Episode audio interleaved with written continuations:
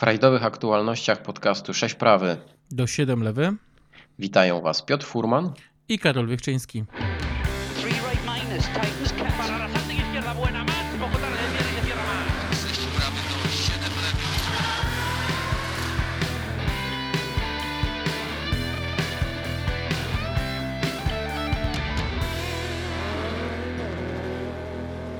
No i po nudnym Monte wreszcie dostaliśmy to, na co czekaliśmy, czyli fantastyczną rywalizację na najwyższym poziomie. Rajd Szwecji przeszedł do historii e, i chyba długo będziemy o nim pamiętać. Tak, chyba nikt nam nie zarzuci teraz, że nie mamy radosnych min, bo takiej rywalizacji dawno nie widzieliśmy, takiej rywalizacji chcemy i to była właśnie kwintesencja rajdów. E, najbardziej to chyba uderzyło mnie to, że da się wygrać imprezę rangi Mistrzostw Świata, zwyciężając tylko w jednym odcinku specjalnym.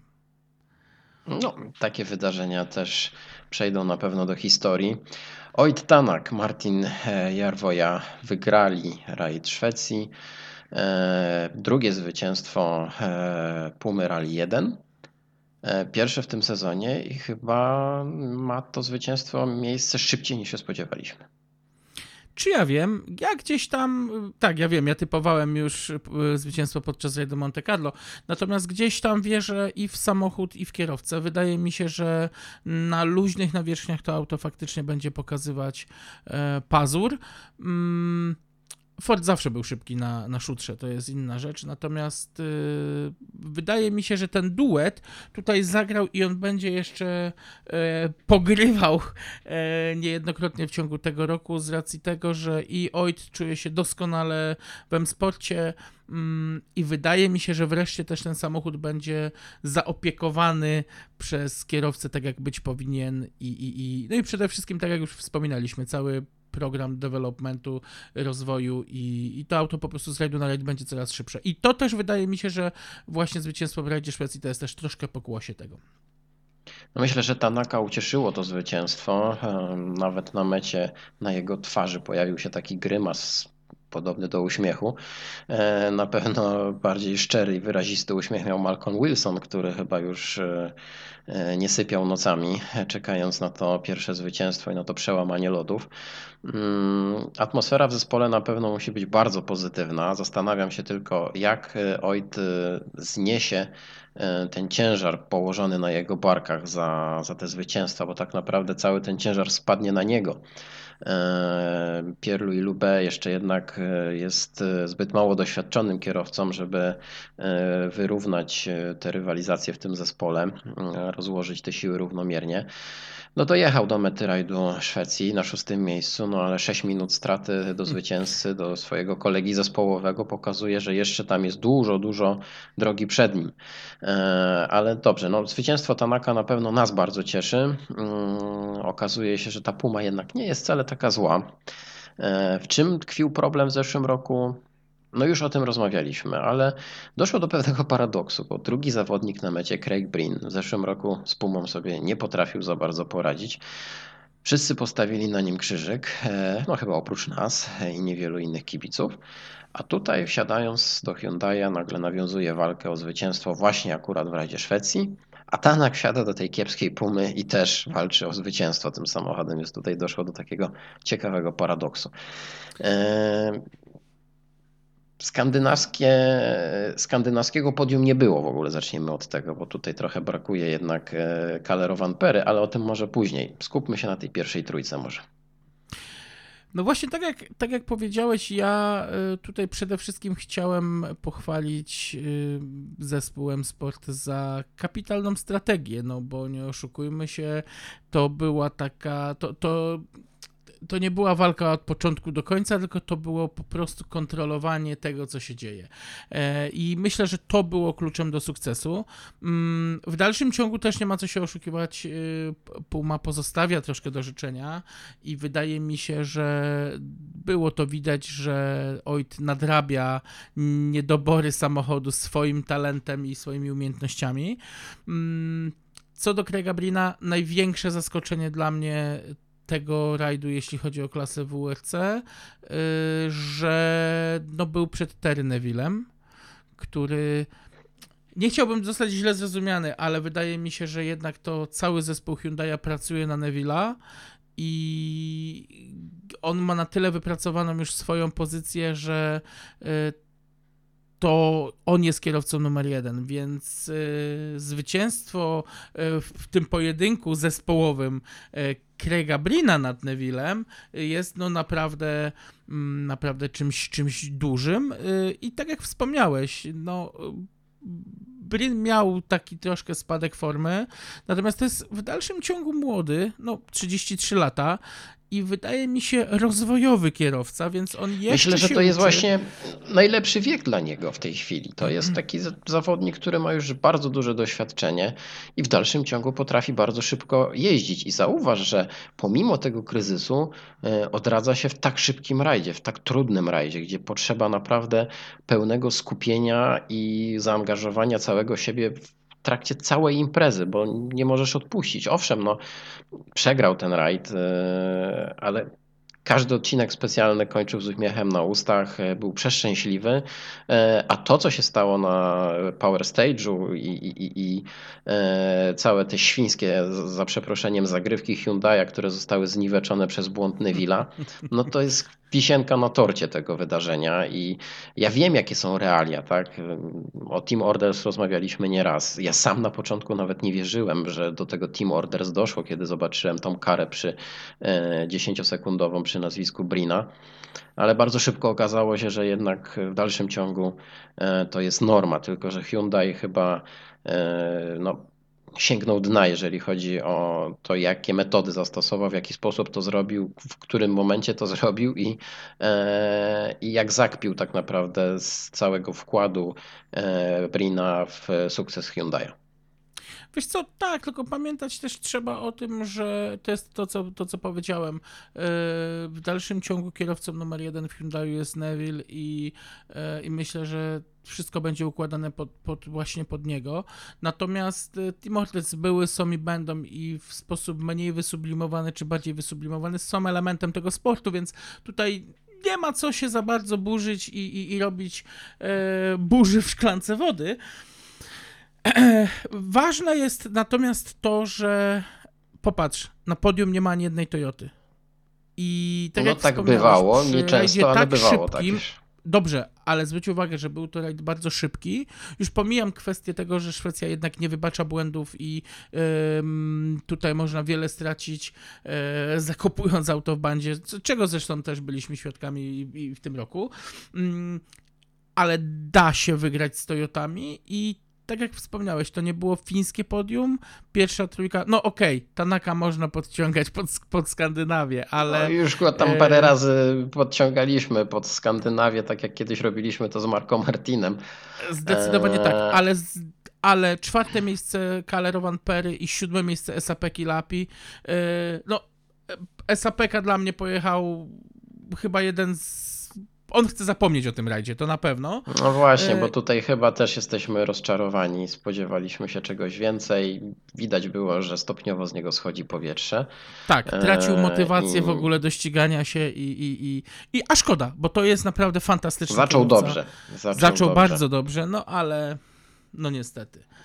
No, mieliśmy fantastyczny pojedynek. E, Kalerowan Pera, o którym już wspomnieliśmy, e, czwarte miejsce. Czy to jest porażka? Nie wydaje mi się, że Nie, to nie. była porażka. Na pewno to nie jest wynik, który osłabi Kalerowan Perę w tym roku i w dalszym ciągu uważam, że on jest największym faworytem do tytułu Mistrza Świata.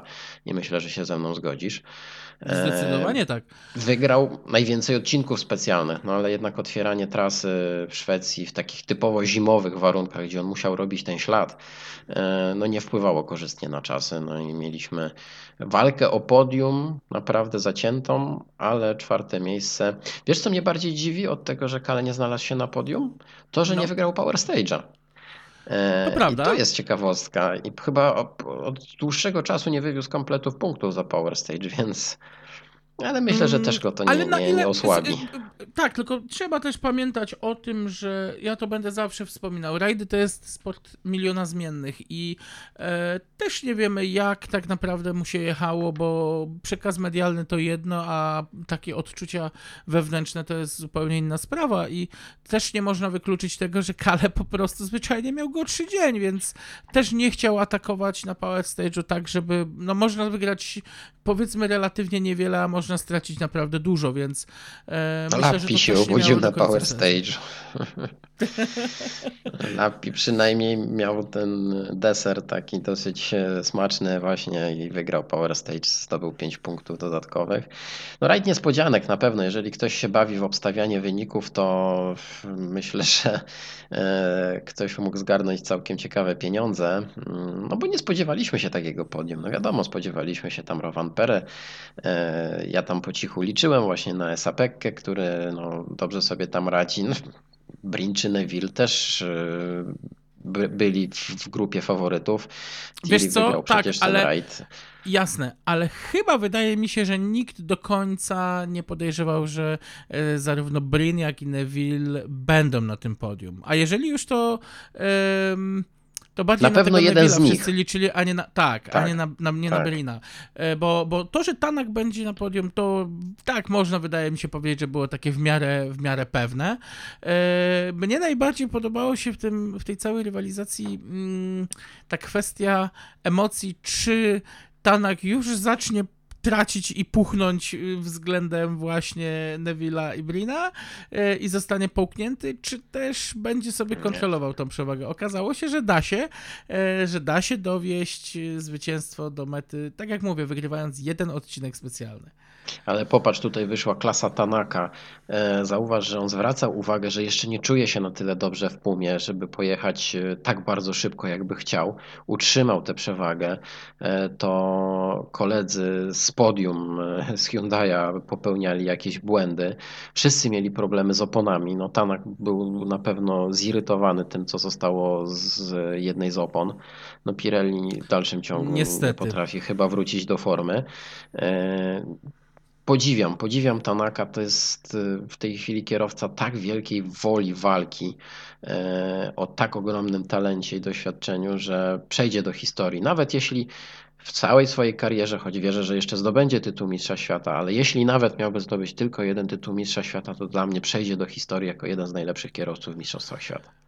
To jest racja, ja tu się oczy- oczywiście podpisuję mm, pod tym dwom, dwoma rękoma, natomiast y, tutaj widzisz, jak powiedziałem w jednym z którychś ko- końcowych odcinków zeszłego sezonu, że to jest w tym momencie najlepszy kierowca w stawce, y, no to zostałem przez wiele osób niemalże przeklęty, że jakie herezje wygaduje. Natomiast y, chyba zgodzisz się, że po tym, co pokazał podczas rajdu Szwecji, e, jednak zasługuje na to. Okej, po, pomijam tutaj w tym momencie e, Sebastianów Leba i Ogier, bo oni nie jadą pełnego cyklu. Natomiast w pełnej stawce to jest bezapelacyjnie najlepszy kierowca, jeśli chodzi o szybkość, o tą, o tą e, wypadkową szybkości, doświadczenia i takiego ogólnego feelingu samochodu. Tak mi się wydaje, że, e, Pera jeszcze, jeszcze troszkę musi się uczyć. I to było widać właśnie podczas rajdu w Szwecji. No na pewno. E, Z takich minusów jeszcze, no ja po, po raz kolejny wspomnę o Elfinie Evansie. Znowu się trochę zawiodłem. E, Znowu bardzo dobry początek. E, Zaznaczenie swojej obecności w czołówce, a potem tradycyjnie schodzimy coraz niżej, coraz niżej i już nie ma tej walki o podium. E, In plus na pewno zaskoczył e, Takamoto Katsuta, e, który no, pojechał chyba tak szybko, jak jeszcze nigdy nie pojechał w Szwecji. Wygrał nawet odcinek specjalny. Jak mm, pamięć mnie nie myli, to jest pierwsze zwycięstwo japońskiego kierowcy na śniegach Szwecji. E, Więc no, oczywiście koniec był jaki był, no ale kto idzie grubo, ten wiemy jak to Palnąć musi brzmi. też grubo, tak. Tak, więc tak się też stało. No, Takamoto zaliczył piękną, klasyczną rolkę. E, oczywiście nie jestem fanem e, wypadków i, i, i, nie szukam jakiejś sensacji w tym wszystkim, jeżeli dochodzi do wypadku, ale trochę mi brakowało takiej fajnej rolki właśnie i taka moto zapewnił tak, nam szczególnie, taką... szczególnie w Szwecji, gdzie jest miękko, bezpiecznie. To tak. prawda. E, bandy nie wybaczają. Te, właśnie, bandy nie wybaczają. Okej, okay, myślę, że możemy przejść do e, Rally 2, bo tam też się dużo działo. E, kolejna no i niespodzianka. Chyba... O, widzisz. Dla mnie tak. Ale myśl, mówisz o Oliwierze Solbergu? Tak, myśl, myślę, myślę i mówię o Oliwierze. Wiedziałem, o, że chyba... będzie szybki w Szwecji. Tak, ale chyba Każdy musimy uderzyć się w pierś po, po Monte Carlo, gdzie już go troszkę tak e, zmieszaliśmy z francuskim błotem, to jednak e, to, co pokazywał w Szwecji. Mm, ja nie chcę mówić, że on jest klasę wyżej od swoich konkurentów, ale jest potwornie szybki. No jest szybki i to mnie bardzo cieszy, że on w dalszym ciągu jest szybki. E, czy jest na tyle szybki, żeby po tym sezonie znowu awansować do najwyższej kategorii? Nie wiemy, ale rzeczywiście tutaj w Szwecji pokazał klasę, pokazał to, że no, jest w stanie pojechać e, taki rajd, e, z którego będzie czerpał tylko i wyłącznie satysfakcję. No i przynajmniej będą też dobre wyniki. Myślę, że tu w Rally 2 tej rywalizacji było trochę mniej. Tym razem ten e, środek ciężkości przeniósł się w stronę Rally 1. E, tam mieliśmy ciekawiej, na Monte było odwrotnie. Tutaj mamy totalnie skandynawskie podium, bo drugie miejsce zajął Ole Christian Weiby i trzecie Sami Pajari, który no w dalszym ciągu zaznacza swoją obecność bardzo wyraźnie.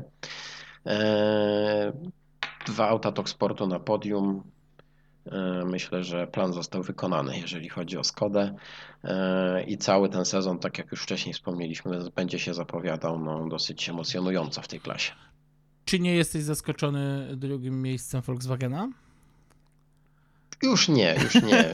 Myślę, już nie. że to czas zdjąć to odium z Volkswagena. No widzisz, a ja, a ja e, jednak troszkę troszkę tak, bo mimo wszystko... Bardziej mnie zaskakuje mówili... Weiby, sam Weiby mnie bardziej zaskoczył, tak, no to, był w stanie nawiązać że rywalizację. Tak, tak, tak, że potrafił wygrać i z Pajarym, czy i, i, i z Grezinem. Tu chociaż jeśli chodzi o Grezina, to mam swoją teorię e, i może się z nią nie zgodzisz, ale e, Grezin chyba niezbyt dobrze czuje się jeszcze na e, takich śliskich odcinkach. Ja wiem, że to trudno mówić Może nie. Jeżeli mamy 380 kolcy na oponie, ale ale, yy, ale on chyba jeszcze do końca nie czuje tego klimatu. Może nie, ale popatrz na czasy, popatrz na e, te różnice czasowe. E, tam jest należał do ścisłej czołówki. Tak, tak, tak należał do tej ścisłej tak. czołówki. On tam ciągle jednak był zagrożeniem dla tych kierowców na podium. Bardziej in minus zaskoczył mnie Emil Lindholm, urzędujący mistrz świata w WRC2 tam nie poszło chyba wszystko zgodnie z planem. To znaczy, y, y, tam wpadła kara czasowa 10 sekund, to, to jest jedna Tak, rzecz. ale no jednak. Pomimo tego faktycznie jego jazda pozostawiała troszkę do życzenia. Wiesz co, zastanawia mnie to na ile to jest zmęczenie materiału po jednak troszkę wyczerpującej końcówce sezonu, a na ile no po prostu wypadek przy pracy. No, uderzył w bandę, miał klasyczną przygodę w szwedzkim śniegu, e, ale myślę, że on jeszcze pokaże w tym roku tą szybkość i, i pojadą bardzo szybko e, kolejne szutrowe rundy. No, brakowało nam tej polskiej czołówki. E, Nie no, halo, halo, załogę halo, mieliśmy, halo. polską załogę no mieliśmy, no tak, zaraz powiemy o niej, bo tam też e, doży, dosyć duży sukces, ale ja jednak będę tutaj w dalszym ciągu skupiał się na Kajtku i na Mikomarczyku. No szkoda, że nie wystartowali. E, szczególnie szkoda, że Mikomarczyk nie pojawił się w Szwecji. Myślę, że przydałaby mu się taka ciężka rajdowa szkoła, wyciągnąłby na pewno dużo doświadczenia z tego startu, e, szczególnie, że właśnie warunki były typowo zimowe. E, Kajto jeździł po śniegu, ale w Polsce e, na te treningach i testach. No szkoda, no nie zawiódł Michał Sołowow tradycyjnie, dla którego to był trzynasty rajd Szwecji w jego ciekawej karierze. No, no właśnie chciałem sporym sukcesem. chciałem tak tabloidowo zacząć, że wygraliśmy rajd Szwecji, no, bo, bo bądź co bądź wygraliśmy. Mm, I, i, i No trudno się dobrze, z tym no. zgodzić. To jest na pewno duży wynik. To pokazuje, jak bardzo doświadczonym kierowcą jest Michał Sołowow e, i jak wiele te starty e, w śniegach Szwecji czy Finlandii dały mu e, w całej tej karierze. No jeżeli tylko raz w roku startujesz w tak trudnym rajdzie i przyjeżdżasz w czołówce, nawet WRC 2 Masters, no to czapki z głów, no, zarówno dla kierowcy, jak i dla pilota Maćka Barana. No, ja bym chciał jednak y, oglądać pana Michała troszkę częściej niż tylko na rajdzie Szwecji. Ja też mam świadomość tego, że to nie jest w tym momencie jego główne zajęcie i, e, i to bardziej mm, tak y, hobbystycznie, ale trzeba przyznać, że no, ten kierowca jeszcze nie zapomniał, jak szybko jeździć po śliskim i to cieszy. I to jest właśnie taki punkt e, obowiązkowy w jego kalendarzu, właśnie ten rajd Szwecji. E, Nas cieszy jego obecność tam e, i dobre wyniki, tak? No bo jednak przypomnijmy w ogóle, że w ciągu tych e, 13 startów Michał Sołowow wyrównał najlepszy polski wynik e, Tomka Kuchara w Radzie Szwecji. E, Mówię tutaj o 12 e, miejscu klasyfikacji e, generalnej w 2013 roku, e, kiedy startował Peugeotem 207 Super 2000. E, No a poza tym to był taki jubileusz, bo minęło właśnie 20 lat od pierwszego startu w rajdzie Szwecji e, w 2003 roku, kiedy mieliśmy bardzo silną polską ligę. E, Ale to, to Senewrati chyba i e, no mamy radość, że przynajmniej z tej starej ligi, starej stawki pan Michał pojawia się regularnie i cieszy nas swoją jazdą. Zdecydowanie. E, Ja jeszcze muszę powiedzieć kilka słów o tym, co powiedziałeś, o tym braku polskich załóg w WRC 2. Ja rozumiem, że jeszcze w tym momencie powiedzmy, że budżety są niepodopinane i zawodnicy też jeszcze tak naprawdę nie mają, ja wiem, jakkolwiek głupio by to nie brzmiało, za chwilę marzec z zapasem, a, a, a tutaj jeszcze nie do końca wiadomo kto, gdzie, z kim i w jakich rajdach. Mm, Natomiast y, kurczę, do Umea nie jest aż tak daleko. E, Jechać tam, żeby zobaczyć też, spo, spróbować swoich sił y, w walce z konkurencją WRC2 to jedno, ale żeby po prostu wywieźć lekcje z jazdy po tych y, mm, odcinkach, to jest kwestia, wydaje mi się, nadrzędna i zamiast katować gdzieś auto w w szkole jednej czy drugiej na zamarzniętym jeziorze, po prostu chyba lepiej zebrać ten budżet i, i, i postarać się jechać właśnie, nawet starszym autem, ale jechać sobie w rajdzie Szwecji, bo e, to jaką lekcję ten rajd da, to no chyba tylko zrozumieją ci, którzy, którzy po prostu tam pojadą i, i, i wyniosą z tego naukę. Dlatego tym bardziej właśnie jest szkoda, że nie wystartował tam Miko Marczyk, który potrzebuje w tej chwili takich lekcji. E, Bo ja rozumiem Kajetana Kajetanowicza, który najprawdopodobniej zacznie sezon od e, rajdu Chorwacji i znowu pewnie to będzie tak zwany sezon nadrapanego, e, czyli, czyli taktyka z poprzednich sezonów, jaką doskonale znamy. Tak. E, Czy to przyniesie w końcu sukces? Mam nadzieję, że tak, ale e, wspominaliśmy już o tym, że ta rywalizacja w WRC2 będzie w tym roku jeszcze bardziej wyrównana. E, W tej chwili to już po widać. tych dwóch rajdach wiemy, co się dzieje i jak trudno będzie tam wejść, wkraść się na to podium, nawet korzystając z problemów rywali. No więc no, w zasadzie Kajto w jakiś sposób potwierdził starty w rajdowych Mistrzostwach Świata w tym roku, e, komentując nawet na antenie Motowizji ostatni etap e, rajdu Szwecji. E, No cóż, no nie spodziewałem się oczywiście, że zobaczymy go w Szwecji, ale no, obawiam się, że niestety ten sezon taki będzie znowu No z szkoda. taką mocną nadwyrażoną taktyką, tak? Z takim oczekiwaniem na pech rywali i, e, i, i, i dowiezienie się na dobrych miejscach w rajdach, gdzie będzie mniejsza konkurencja. Ja rozumiem, co się na to składa, wiem doskonale, tak? E, Ale być może będzie jakaś niespodzianka. To w tej chwili jeszcze nie jest nic powiedziane, bo e, tam ten układ e, w Orlenie bardzo szybko się zmienia. Wspominaliśmy ostatnio nawet tak e, delikatnie o tym, że być może nawet Robert Kubica pojawi się na rajdowych trasach. Teraz wiemy, że raczej już nie. Więc miejmy nadzieję, że przynajmniej Kajto będzie w tym roku dysponował lepszym sprzętem. No oby, oby i oby no, nie zabrakło budżetu na to. Um, to jest nadal szybki kierowca, no nie oszukujmy się.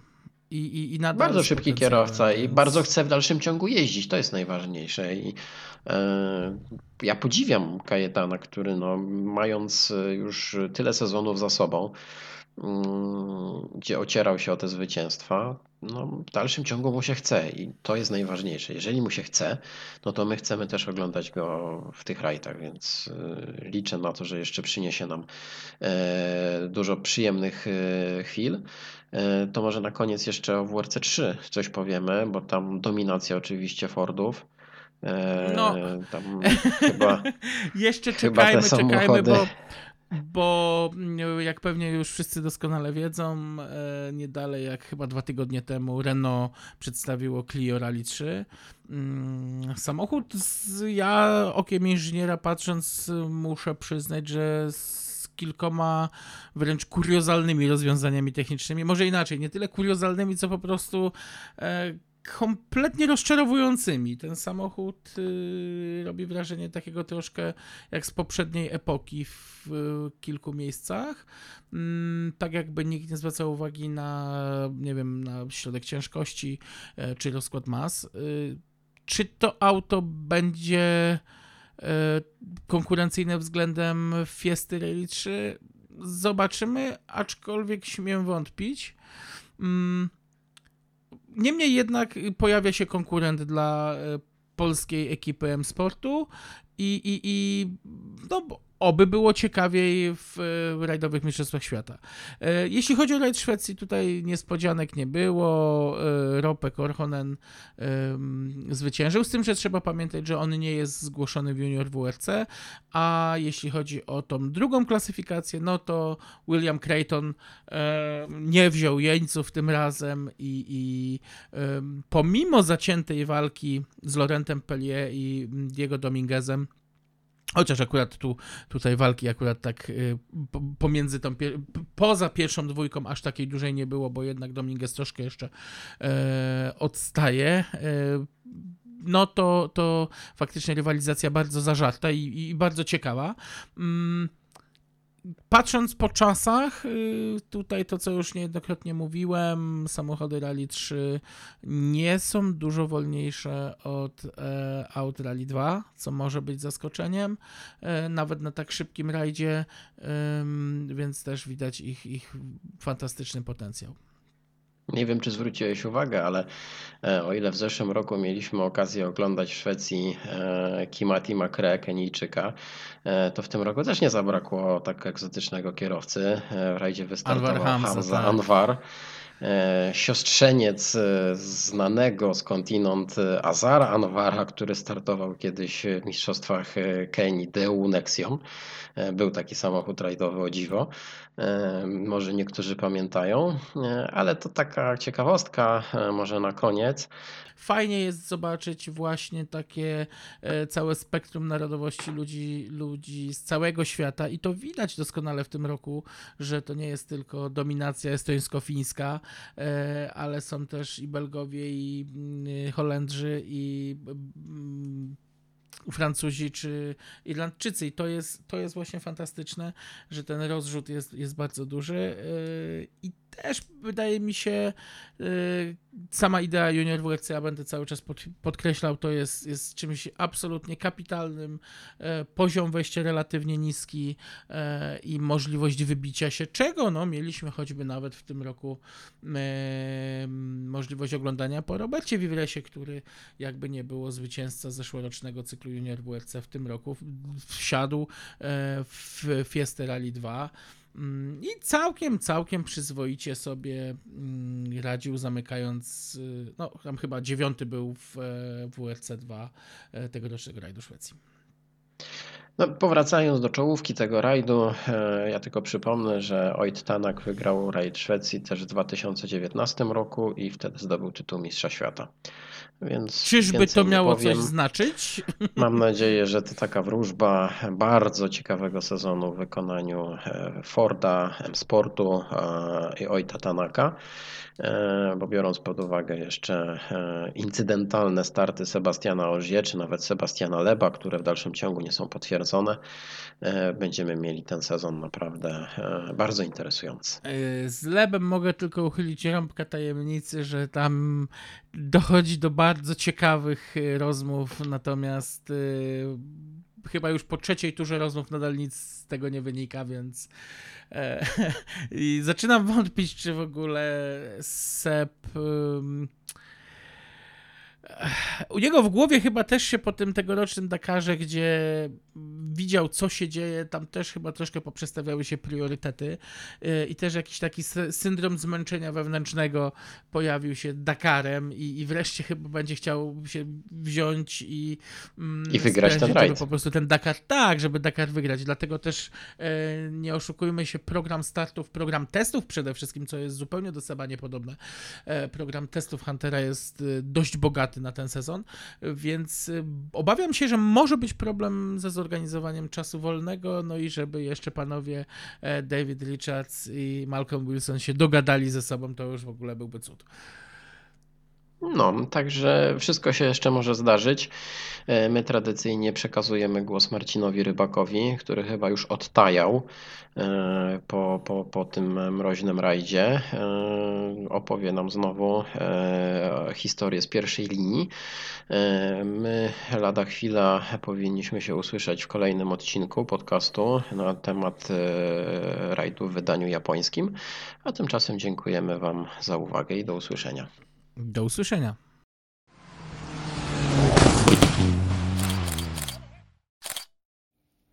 Cześć, zimowe pozdrowienia z Umio, gdzie dosłownie chwilę temu zakończył się rajd Szwecji, druga runda tegorocznego cyklu WRC.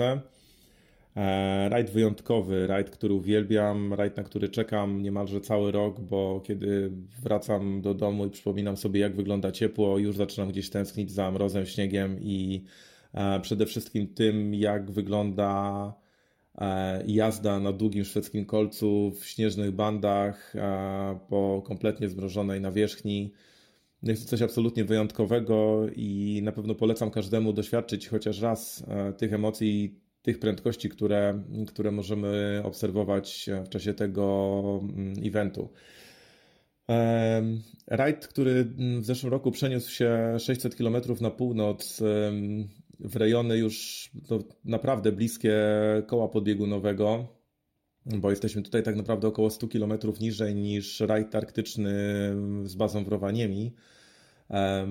Bardzo dobry ruch, choć można tutaj narzekać trochę na ograniczoną bazę noclegową i ceny, bo, bo nie jest to rajd tani na pewno mm, w porównaniu do rejonu Warland, e, do którego jeździłem przez blisko 20 lat. E, no jest tutaj zauważalnie drożej. No ale przynajmniej nie ma problemu z tym, że zima z jakiegoś powodu nie zawita. Jest może nie jakoś wybitnie zimno, bo w tym roku mieliśmy temperatury, które w nocy spadały do około minus 8, minus 10 stopni w najzimniejszym e, momencie. E, natomiast w ciągu dnia właściwie oscylowały między minus 5 a 0. E, dobrze, że cały czas na lekkim minusie, ponieważ e, jak wiecie, jazda na szwedzkim kolcu wymaga, żeby ten kolec miał się w co wgryzać. Jeżeli śnieg zaczyna topnieć, e, jeżeli zaczyna być ewidentnie temperatura wyższa niż zero, znika grip, przestaje być bezpiecznie, te auta zaczynają jakby walczyć o to, żeby w ogóle trafić w drogę, bo, bo okazuje się, że to, co miało je trzymać, odjeżdża razem z grubą warstwą tego śniegu zmieszanego z lodem spod opon. E, no i nie jest to ani ciekawe do oglądania, ani fajne do fotografowania czy filmowania, ani na pewno nie jest bezpieczne też dla zawodników, bo nagle okazuje się, że prędkości, które są do osiągnięcia według notatek, e, kompletnie się rozmijają z tym, co jest realne, jeśli chodzi o fizykę i trakcję samochodów. E, w tym roku, tak jak powiedziałem, runda po raz drugi rozegrana na północy mm, ze lekko zmienionymi odcinkami w stosunku do roku ubiegłego. Natomiast e, przede wszystkim nie mieliśmy sytuacji, gdzie przez jakieś migracje reniferów któreś odcinki wyleciały nam z harmonogramu, co było dość e, kuriozalne w zeszłym roku. Niemniej jednak to jest natura, trzeba to uszanować. My tam jesteśmy tylko gośćmi, renifery tam były na długo przed nami i pewnie jeszcze na długo po nas tam zostaną. Co było y, ciekawe, mm, organizatorzy w zeszłym roku otrzymali odrobinę słów krytyki, jeśli chodzi o mm, charakterystykę trasy, ponieważ e, w czasie zapoznania okazało się, że do kajecika z notatkami trzeba wprowadzić e, informacje typu na przykład 1,5 km prostej. Pamiętam czasy, kiedy było wielkie narzekanie na rajd warszawski, na którym e, kilometry prostej były gdzie niegdzie przedzielane jakimiś idiotycznymi zakrętami pod kątem 90 stopni przez rolne giełdy i tak dalej. I z takim wyobrażeniem, myśląc o tym, że rajd Szwecji mógłby wyglądać podobnie, bo też ma długie proste, no bardzo byśmy się roz, rozbili o, o rzeczywistość. E, po pierwsze, te długie proste nie wynikają z tego, że organizator wymarzył sobie osiąganie jakichś absurdalnie wysokich średnich prędkości, tylko są to drogi mm, wytyczane zupełnie nie do motorsportu, tylko tak jak ukształtowanie terenu, tak jak e, geografia pozwala. Natomiast w momencie, kiedy one są przykryte śniegiem, kiedy te drogi są otoczone bandami, w tym roku część tych band była naprawdę grubo powyżej metra, Jazda nawet przez kilometr z gazem w podłodze na odcinie mm, jest rzeczą po pierwsze dużo bezpieczniejszą niż jazda po prostu po szutrowej drodze. Po drugie,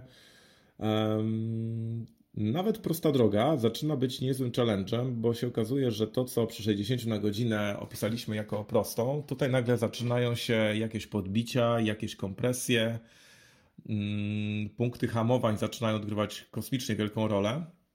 I na jednym z odcinków, e, na bodajże 20 kilometrach, mieliśmy sytuację, gdzie absolutny flat out zaowocował nam tym, że pierwszych czterech kierowców zmieściło się w sekundzie.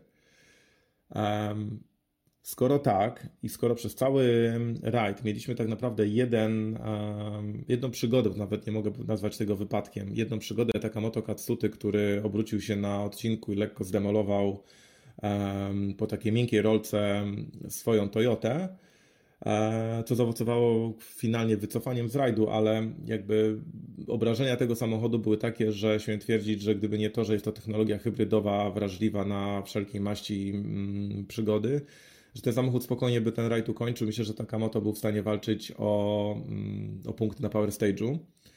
E, to poza tym jednym e, wypadkiem, to poza tą jedną przygodą i dwoma istotnymi utknięciami w bandach, jedno, jedną z tych przygód zaliczył Sape Kalapi, gdzie stracił około 7 e, minut na jednym z odcinków, drugą przygodę zaliczył Jari Hutunen, E, co odebrało mu szansę właściwie na walkę, no na pewno o podium, a prawdopodobnie o drugie miejsce mm, na koniec e, rajdu w klasyfikacji WRC 2.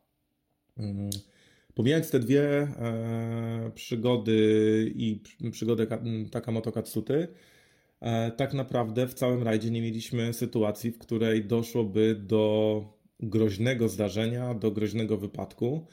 W związku z czym, nawet jeżeli są to bardzo długie, proste i średnie prędkości dochodziły w tym roku bodajże do 141 km na godzinę, mm, to nadal jest bardzo bezpieczny rajd, bardzo wiele wybaczający, jeśli chodzi o błąd w torze jazdy, bo możemy się oprzeć o bandę. Oczywiście ta banda tutaj w północnym regionie Szwecji jest zupełnie inną bandą niż mieliśmy ją w Warmlandzie, ponieważ w Warmlandzie tak naprawdę banda bardziej wciągała niż odbijała. Tutaj te bandy są zbrożone na beton. To jest um, e, struktura śniegu, który, który tworzy bandy, jest zbliżona bardziej do takich bloczków strukturalnych, budowlanych, niż do śniegu, który znamy z własnych ulic.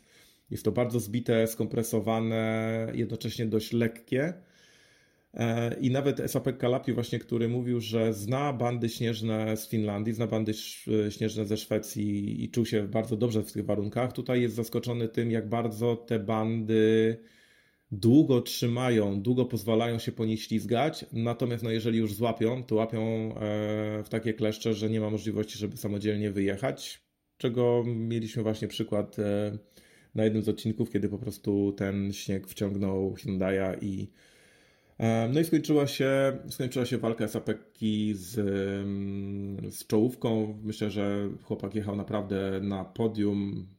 Myślę, że był w stanie walczyć o podium bez najmniejszego problemu. E, krótko podsumowując wydarzenia mm, od miejsc 3 e, do, do 10 powiedzmy, chociaż tak naprawdę do, do 8, bo, bo poniżej już były e, auta klas kategorii Rally 2. Muszę powiedzieć jedno. Mm, poziom zaczyna być bardzo wyrównany i tak naprawdę nie mamy mowy w tym momencie o tak jak było to przez dłuższy czas mówione, że są dwa zespoły fabryczne i Ford. W tej chwili absolutnie mamy trzy zespoły fabryczne i jakościowo e, wszystkie samochody, które mamy na starcie, jakościowo one są bardzo do siebie zbliżone. Mm, oczywiście różnią się swoją e, charakterystyką. Jedne auta są bardziej nerwowe, drugie mniej, e, jedne brzęczą ładniej, drugie, drugie gorzej. Natomiast e, nie ma mowy o tym, że któryś z zespołów jest skazany na porażkę tylko dlatego, że nie stoi za nim jakiś wielki koncern. To jest bardzo ważny komunikat, jeśli chodzi o perspektywę całego sezonu, bo myślę, że mm, będzie wiele sytuacji, w których zawodnicy, nawet powiedzmy ci numer dwa z zespołów, będą w stanie pokazać e, taką prędkość i korzystając na przykład, nie wiem, z pozycji na drodze, mm, walczyć o zwycięstwa nie oglądając się na to, że ich pozycja teoretycznie nie pozwalałaby na to. E, tu pojawia się z kolei jeszcze jeden, jeden aspekt, z którym mogliśmy mieć do czynienia, natomiast ja absolutnie nie chcę tego w ten sposób oceniać, że do gry mogą wejść szefowie zespołów i wydawać polecenia zespołowe. E, sytuacja, która miała miejsce mm, przed Power Stage'em, jeśli chodzi o kolejność zawodników Hyundai'a, Mm, przyznam szczerze, że e, oscylowanie mm, zapasem czasowym między swoimi zawodnikami na poziomie pojedynczych sekund, a mówiliśmy tutaj o dosłownie sekundzie czy dwóch, e, jest sytuacją, która jest bardziej, mm, bardziej nosi znamiona sabotażu własnego zespołu niż próby ustalenia, który kierowca powinien być kierowcą numer jeden i który powinien zdobyć więcej punktów. E, ok, Thierry Neville, podpisany wieloletni kontrakt z Hyundaiem, jest jakby filarem tego zespołu. Natomiast umówmy się, że na tym etapie rozgrywek e, mówienie o tym, że ktoś ma z zespołu oddawać jemu pozycję, e, jest sytuacją no, absurdalną. Nie wierzę w to, żeby Cyril Abiteboul był na tyle e, odważnym człowiekiem, żeby móc zaryzykować mm, aż tak jawne e, stawianie jednego kierowcy ponad drugim. Choć owszem, pojawiły się głosy, że to były ewidentne polecenia zespołowe. Ja tego nie chcę oceniać. E, wiem, że była mowa, mowa, o strategii, wiem, że była mowa o tym, żeby mm, grać na zespół, a nie na pojedynczego kierowcę. E, mam za mało danych i zbyt mało chyba rozumiem filozofię w tym momencie Cyrila. Jakby nie oceniam tego, natomiast świetnie się stało, że mimo tych 10 sekund kary mm, za późny wjazd na Pekac dla Craiga Brina że mimo wszystko e, jakby los spowodował, że Thierry stracił teoretycznie czas, który, który mógł zyskiwać nad e, Craigiem, e, bo jakby pomijając moje prywatne sympatie do Craiga, bo znamy się wiele lat, jest to naprawdę bardzo szybki, bardzo ciekawie jeżdżący kierowca, który na pewno zasługuje na miejsce w zespole fabrycznym. Fajnie, że się odnalazł od razu w zespole Hyundai'a, że jakby wymazał z głowy te ostatnie naście miesięcy w Fordzie.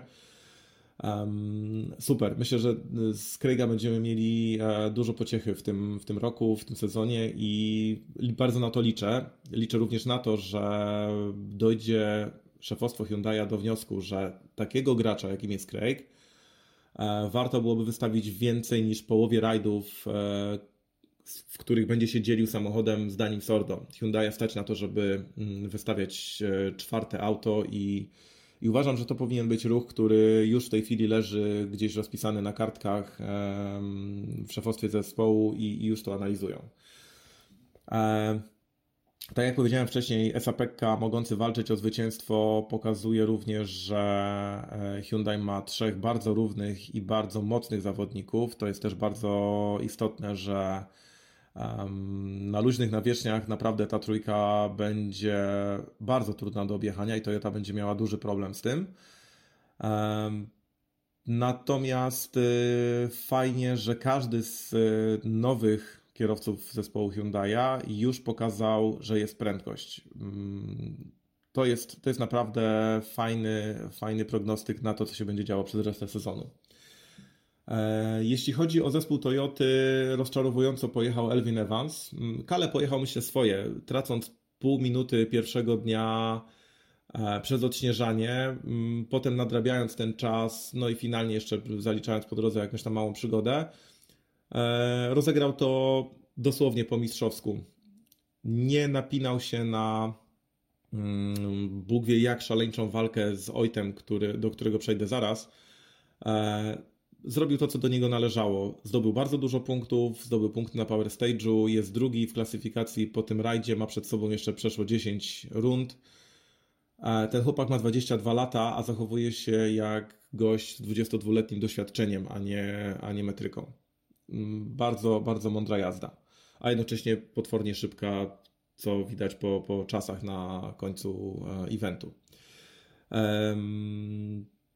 Elvin Evans rozczarowująco coś nadal nie gra z jego zrozumieniem, z jego czuciem tego samochodu. E, liczę, że ok, pierwsze dwa rajdy to rajdy specyficzne, chociaż akurat e, Monte Carlo było czysto asfaltowym rajdem, na, którym, na której to nawierzchni Elvin powinien czuć się bardzo dobrze i czuł się w przeszłości bardzo dobrze.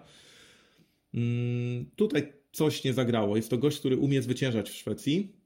Od samego początku było widać, że ta jazda jest taka przytłumiona. Że czegoś brakuje, takiego błysku, agresji. Nie wiem. Myślę, że chłopaki nad tym są w stanie popracować i, i to jest tylko chwilowa zadyszka. Hmm. E, Pierlu i Lube, Takamoto Katsuta. Goście, którzy mm, doświadczenia w Szwecji mają niewiele, e, zwłaszcza Pierlui. E, pojechali to, co mogli, pojechali tak, jak umieli.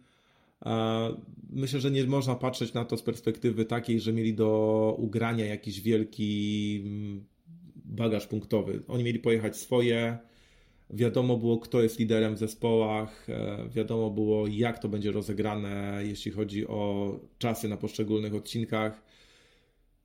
Pojechali swoje, wyszło jak wyszło myślę, że zapomnimy o tym, poczekajmy na kolejną rundę, czyli na Rajd Meksyku. Obaj tam będą w stanie powalczyć o jakieś e, zdecydowanie wyższe pozycje i o zdecydowanie lepsze mm, zdobycze punktowe. E, natomiast zwycięzca, Ojt Tanak. Mm, wiele rzeczy można o ojcie powiedzieć, natomiast na pewno nie to, że jest to człowiek wylewny, ekstrawertyczny i skory do jakiegoś obnoszenia się z własnymi emocjami. To, co zaprezentował w interakcji z zespołem i to, jak zareagował na to zwycięstwo na rajdzie, na mecie rajdu Szwecji, e, no zadaje kłam tym powiedzeniom, temu, tej utartej opinii. Widać było, jak duży ciężar z niego spadł, jak bardzo się cieszył. Cieszył się po prostu tak, jakby to była jego pierwsza wygrana w, E, w jego karierze, bo poczuł jedną rzecz. Poczuł to, że znów jest filarem zespołu, znów jest liderem tego zespołu, znów zespół stoi murem za nim i znowu dostał narzędzie, w którym nie musi najpierw zapomnieć, jak się jeździ, żeby się ponownie tego nauczyć. On wsiadł do samochodu, który dobrze zna, zna filozofię budowy tego auta. No i mam naprawdę wrażenie, że Oit mamy, mamy do dyspozycji w tym momencie OITA 2.0 i to jest rzecz, która myślę, że Kalle Rovanpera już w tym momencie wie, że prawdopodobnie OIT będzie jego największym przeciwnikiem w tym sezonie, bo, bo jeżeli OIT czuje się dobrze, potrafi pojechać jak wirtuos i naprawdę oglądając onboardy e, w czasie rajdu Szwecji z przejazdów niebieskiej Pumy, śmiem twierdzić, że Oit jechał naprawdę na 100% tego, co potrafi. Mm, I co ciekawe, to auto wytrzymało jego 100% performance. Naprawdę chapeau. E, świetny, świetny występ, emocjonalny. Patrząc na to, nawet jak my, fotografowie czy, czy operatorzy wideo, e, reagowaliśmy na to, co się dzieje, że Oit wychodzi na prowadzenie, że tłucze się z Brinem o dziesiąte części sekundy, widać było, jak e, nawet my do tego emocjonalnie podchodzimy, że brakowało nam ojta cieszącego się jazdą, brakowało nam ojta, który no, zagina czaso, czaso, przestrzeń i powoduje mm, dodatkowe emocje związane z tym, że e, jedzie absolutnie na limicie. Mm. Tyle jeśli chodzi o mm, podsumowanie Big Boysów, tak zwanych. Natomiast e, myślę, że równie ciekawa, o ile chyba w sumie nie ciekawsza walka, rozgrywała się e, w, chociaż nie, na pewno nie ciekawsza, sorry. Mm, Oit versus e, Craig to było absolutnie creme de la creme tego rajdu.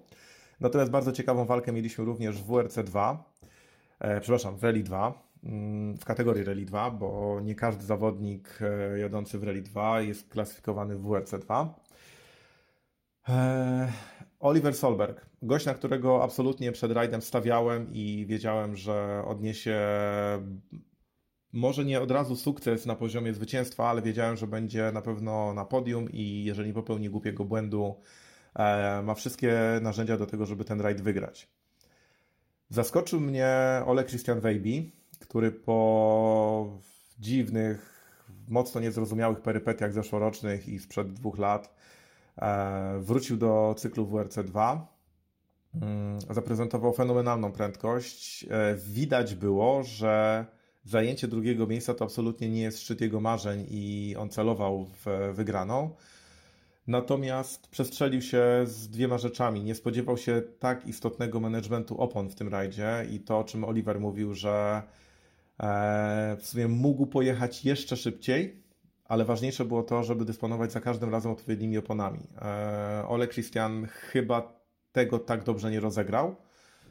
Mm, niemniej jednak drugie miejsce wspaniale, chłopak wraca, to jest gość, który jeździ bardzo widowiskowo, bardzo agresywnie, dobrze się go ogląda. E, cała armada Toksportu, czyli Emil Lindholm, Nikolaj Griazin, bracia Bulacia, Wszyscy oni postawili naprawdę wysoko poprzeczkę i jazda całej tej ekipy no, mogła się podobać. Tu nie ma w ogóle dwóch zdań, że, że ktoś mógł narzekać na to, jak, jak to wygląda. No, wyglądało to fenomenalnie. E, wykorzystywanie pełnej szerokości drogi, jazda flat out, obijanie się od band. No, naprawdę super. Te samochody, co ciekawe, e, Byłem na dwóch hopach w czasie tego rajdu i R5, czyli Rally 2 w tej chwili, skaczą lepiej niż, e, niż duże auta. Rzecz, która jest znamienna od pewnego czasu, kiedy weszło mocne aero, ale w tych warunkach szwedzkich, gdzie skacze się głównie z prędkości, a nie z mm, powiedzmy kompresji bądź, e, bądź pracy zawieszenia, no to jest wyznacznik tego, że naprawdę auta niższej kategorii jadą potwornie szybko. To jest, to jest coś, czego oczekiwałem i absolutnie zostałem w tym, w tym aspekcie um, dopieszczony, bo no te auta naprawdę to jest potęga. Jeżeli tymi samochodami będzie jeździło nadal 20 czy 30 zawodników w każdej rundzie, e, to tak naprawdę będzie do oglądania 40 bądź 40 parę samochodów, bo nie ma przeskoku w tym momencie między fabrykami a autami R5. Oni wszyscy jadą jak nawiedzeni. O to chodzi w tym sporcie. To ma być walka z czasem, a nie walka o oszczędzanie paliwa, management opon czy jakieś inne bzdury. Um, była jedna bardzo ciekawa sytuacja, mianowicie związana z Jarim Hutunenem. Mm, Jari dysponując samochodem o dwie generacje starszym niż samochody Toksportu, niż samochody e, zawodników, którzy jakby z automatu byli uznawani za faworytów, bo do tego jeszcze mieliśmy temu Suninena w mm, jakby fabrycznym aucie Rally 2 z Hyundai'a. Nagle się okazało, że auto o dwie generacje starsze, auto z topowym, absolutnie topowym zawodnikiem jest w stanie walczyć o zwycięstwo. Myślę, że kończy to dyskusję na temat tego, że to samochód robi wynik. Nie, zawsze będzie robił wynik kierowca, jeżeli się w odpowiedni sposób na to patrzy, jeżeli się umie analizować faktyczne czasy, faktyczne możliwości, faktyczny stan rzeczywisty, który, który ma miejsce na danych zawodach, bo to nie jest tak, że tym autem oczywiście będzie można walczyć w każdym innym evencie. Natomiast e, jeżeli wiemy, czym dysponujemy i umiemy to wykorzystać, no to dzieją się takie rzeczy, jak właśnie Jari Hutunen starszą Skodą, tłukący się z chłopakami, którzy po pierwsze zaliczyli dużo więcej testów, dysponują absolutnie topowym fabrycznym autem petarda. Ja prywatnie bardzo lubię Jariego, mimo że jest to człowiek, od którego wydobycie jednego słowa komentarza jest naprawdę ciężkie ale nie od tego on jest. On jest od tego, żeby jeździć. Jeździł zawsze bardzo widowiskowo, bardzo ciekawie. Niech tak, niech tak trzyma. E, I finalnie mm, piękny polski akcent. 20 lat po e, armadzie, która nawiedziła Warmland e, z oczywiście nieodżałowanym Januszem. Hołkiem, Łukaszem Sztuką, właśnie Michałem Sołowowem. Michał Sołowow, facet, który niczego nie musi. Maciek Baran, facet, który niczego nie musi. Spotykają się raz w roku, zakładają kombinezony. O dziwo, nadal pasujące, nadal sylwetka jakby przed chwilą kończyli karierę zawodową. Wsiadają w fury, naklejają kolorowe naklejki na auto i jadą. To jak jadą, to jest jedno, natomiast to jak wyglądają ich twarze na mecie każdego odcinka. Pełny banan, pełny uśmiech, zadowolenie. E, jeżeli tak ma wyglądać kategoria Masters, to ja poproszę, żeby w kategorii Masters jeździło 10 albo 15 zawodników. W Monte Carlo mieliśmy François Delecoura, który napompował balonik oczekiwań co do wyniku bardzo, bardzo mocno i się nagle okazało, że no jednak młodzi jadą zdecydowanie szybciej i François jadący nawet na 130 swoich, na 130% swoich umiejętności nie jest w stanie z nimi walczyć. E, było to trochę smutne. Smutne, że legenda nie potrafi pogodzić się z tym, że jednak szóstka z przodu w metryce, no to to już nie jest czas na walkę z chłopakami, którzy żyją jakby jutra miało nie być. Hmm. Michał z Maćkiem pojechali tak, jak można było się spodziewać. Z fanem, bez przygód, bez robienia dziwnych rzeczy. I co się okazało, że w stawce blisko 40 samochodów Rally 2 oni notują rezultaty w połowie drugiej dziesiątki. To po pierwsze. Po drugie, zupełnie niechcący wygrywają kategorię Masters i pięknym obrazkiem było to, że ludzie, którzy dużo dokonali w e, motorsporcie, odbierając wazony, czują się wręcz zażenowani tym, że ktoś ich nagradza, jak oni tu przyjechali po prostu for fun. Naprawdę mega fajne emocje. Ja liczę, że Michał z Maćkiem wystartują jeszcze w tym roku w jakimś rajdzie i bardzo bym sobie tego życzył, bo bo to o to chodzi. Ten sport w pewnym wieku i przy pewnych możliwościach ma sprawiać fan, a nie ma być e, przedłużaniem sobie tego czy owego, bądź podnoszeniem swoich jakichś e, e, własnych ocen albo rekompensowaniu sobie, nie wiem, niepowodzenia w życiu. Tak powinniśmy się bawić. Jestem od nich jednak jeszcze ciągle trochę młodszy, ale nadal się bawię tym, co robię i mam nadzieję, że przez kolejnych 15 czy 20 lat będę się bawił tym, że mogę obserwować po pierwsze piękny motorsport, po drugie mogę go uwieczniać na zdjęciach, a po trzecie, że będę mógł spotykać takich ludzi, którzy potrafią się tym wszystkim bawić. No. E, za chwilę walentynki, więc e, Pozdro dla wszystkich i do usłyszenia przy okazji kolejnej rundy.